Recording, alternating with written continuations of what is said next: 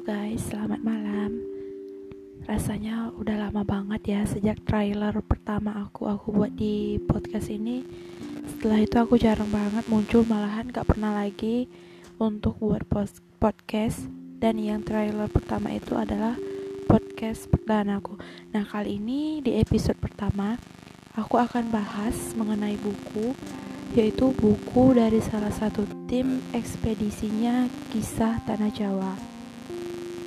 Nah, teman-teman, menurut kalian buku mana sih yang paling seram dari karyanya kisah Tanah Jawa ini? Bagi yang sudah baca bukunya, pasti tahu dong ya yang mana yang seram.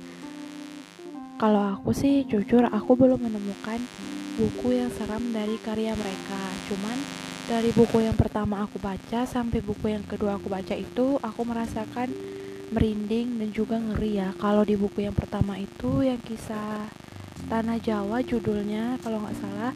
Itu aku nggak merasakan seram cuman aku merasakan merinding aja. Tapi sebagian orang bilang kalau di setiap bukunya tim kisah Tanah Jawa itu mengandung unsur-unsur yang menyeramkan. Tapi aku pas membaca yang pertama itu aku sama sekali nggak ngerasakan hal-hal yang menyeramkan. Mungkin karena aku gak terlalu menyimak kali ya maksudnya gak terlalu mendalami isi bacaannya lalu kemudian aku membaca buku yang kedua yaitu yang judulnya Pocong Gondol nah ada yang udah baca belum? Yang bukunya kedua KTJ ini yang judulnya Pocong Gondol nah di buku yang kedua yang aku baca ini itulah yang benar-benar membuat aku merinding terus mengerikan juga sih kisahnya memilukan sekali juga dan ada beberapa ilustrasi yang membuat aku kaget sampai mengucap pas ngelihat ilustrasinya itu. Di buku ini tuh emang benar-benar seram banget. Kalau menurut aku sih mengerikan ya. Cuman belum bisa dikatakan seram. Nah jadi ya, kali ini aku tuh akan membahas tentang Judulnya yang Pocong Gundul karya tim kisah Tanah Jawa. Mengenai hal-hal mistis tentu sudah menjadi tidak asing lagi bagi kita dan sudah melekat di masyarakat Indonesia.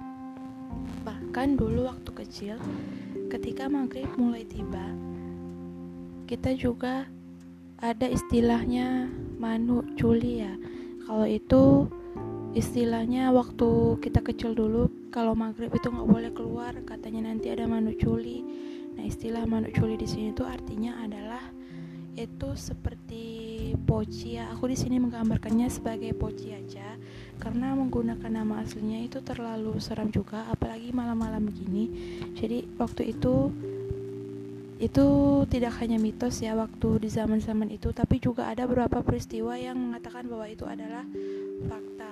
Jadi waktu itu istilah menculi ini adalah istilah yang digunakan oleh masyarakat-masyarakat pada zamannya. Itu istilahnya itu kalau maghrib kalau kita masih berada di luar maka kita akan melihat sosok poci terbang yang meminta tolong untuk dibukakan tali pocinya ini. Nah, mengenai hal itu ada satu peristiwa yang mirip dengan kejadian ini. Itu peristiwanya maghrib juga. Jadi kalau maghrib itu kita emang harus di rumah karena makhluk makhluk tak kasat mata masih berkeliaran ya. Sebenarnya itu bukan makhluk tak kasat mata tapi itu adalah jin atau jelmaan kita. Jadi kita ini sebagai manusia itu ada kembaran gaib. Namanya itu adalah jin korin. Nah jadi jin korin kita itulah yang bergentayangan sampai saat ini ketika kita sudah meninggal nanti. Jadi berbicara mengenai puisi tadi, ada dari buku yang aku baca ada satu kisah peristiwa yang serupa yaitu adalah saat mendengar ketukan pintu. Jadi saat mendengar ketukan pintu itu kan ini beda nih ya antara kening dengan tangan juga suara ketukannya pasti beda. Nah, jika teman-teman mendengar ketukan pintu itu bukan dari ketukan tangan, Pasti teman-teman Pasti itu adalah si Poci yang datang menghampiri di saat maghrib tiba yang ingin dan sedang mengetok pintu. Kalau kalian ingin mencoba, silahkan ya, dicoba aja. Mana tahu bisa ketemu kan sama si Pocinya. bercanda dong guys jangan dianggap serius ya jadi peristiwanya itu dalam buku yang aku baca itu juga hampir sama dengan peristiwa yang Manu Culi tadi. Dia sama-sama si Poci ini sama-sama ingin meminta tolong untuk dibukakan talinya.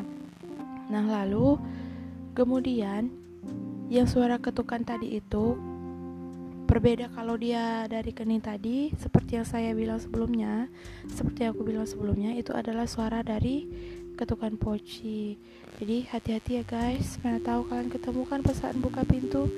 Bercanda guys. Nah tapi kalau kalian belum berhasil ketemu sama si poci coba deh kalian jalan-jalan ke kebun pisang di saat malam telah tiba. Mana tahu kalian bisa ketemu kan? Bahkan juga bisa menjadi teman di saat kesepian. Bercanda guys. Jangan dianggap serius. Jadi di buku pocong gundul ini atau di buku Poci yang satu ini, karyanya kisah Tanah Jawa ini, itu lebih bercerita kepada asal muasal dari Poci Gundul ini. Jadi, ternyata setelah ditelusuri lebih dalam lagi dan telah dibaca lagi, ternyata Poci ini dulunya adalah manusia yang hidup dengan mengalami kekerasan fisik dan juga tekanan batin. Jadi manusia itu bernama Walisti. Nah, jadi Walisti ini sedari dia kecil hingga dia besar, ia sudah mengalami hal-hal yang tidak dialami oleh anak pada seumurannya. Jadi ketika dia remaja, dia sudah harus melihat apa yang tidak seharusnya ia lihat. Ia telah mengalami tekanan batin juga, ditambah lagi ayahnya selalu memukul, memukulinya, yang suka mabuk-mabukan dan juga yang pokoknya ayahnya ini beringes banget gitu kejam gitu. Padahal sama anaknya sendiri juga kejam. Bahkan bibinya sendiri disetubuhi oleh ayahnya sendiri dan itu pun di depan mata Walisti yang masih remaja pada saat itu. Walisti saat itu ingin berkata tapi apa boleh buat? Ayahnya selalu memukulinya dan saat itu juga ayahnya mencoba untuk melakukan apa yang diperbuat ayah. Maksudnya gini ayahnya itu mencoba untuk membuat Walisti mengikuti kemauan dia. Nah saat situlah nah saat di situlah Walisti ini mulai membenci ayahnya.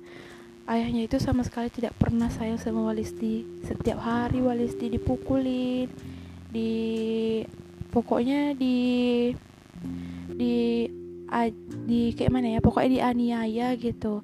Jadi sejak saat itu Walisti mulai mengalami tekanan batin dan juga mulai mengalami kekerasan fisik dan saat itu juga timbullah kebencian yang mendalam kepada ayahnya. Ternyata ayahnya Walisti ini dulu adalah seorang perampok dan juga penjahat yang sangat kejam. Dan ia menikahi ibu Walisti ini dengan cara mengguna-gunanya Lalu kemudian setelah itu Walisti melihat bibinya. Jadi bibinya ini setelah diperlakukan dan dianiaya oleh ayah Walisti ini, dia merasa tertekan dan dia melakukan bunuh diri.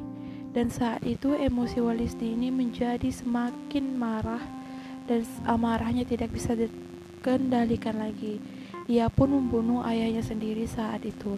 Setelah peristiwa tragis itu terjadi, akhirnya Ulisti pergi meninggalkan rumahnya dan rumahnya itu dibakar. Lalu dia pergi merantau entah ke mana. Lalu saat dia merantau, dia selalu diejek dan selalu dibilang sebagai penakut. Karena ia tidak mau dibilang penakut lagi dan tidak mau diremehkan oleh orang-orang, ia pun akhirnya menuntut ilmu hitam kepada sosok bernama Banaswati. Jadi, Walisti ini ternyata menuntut ilmu hitam kepada sosok Banaswati sehingga dia menjadi kuat dan menjadi dukun ilmu hitam yang paling tenar dan paling kuat di zamannya. Nah, jadi di dalam buku ini, tim kisah Tanah Jawa itu melihat semua kejadian dengan metode retrokognisi. Jadi, di sini juga dijelaskan bagaimana hmm, tim kisah Tanah Jawa ini menggunakan metode itu untuk melihat ke masa lalu dan juga ada perbedaan antara metode metode retrokognisi ini dengan indigo. Nah, jadi setelah Waris ini menjadi dukun hitam dan sangat kuat sampai ia meninggal, ia pun tetap maksudnya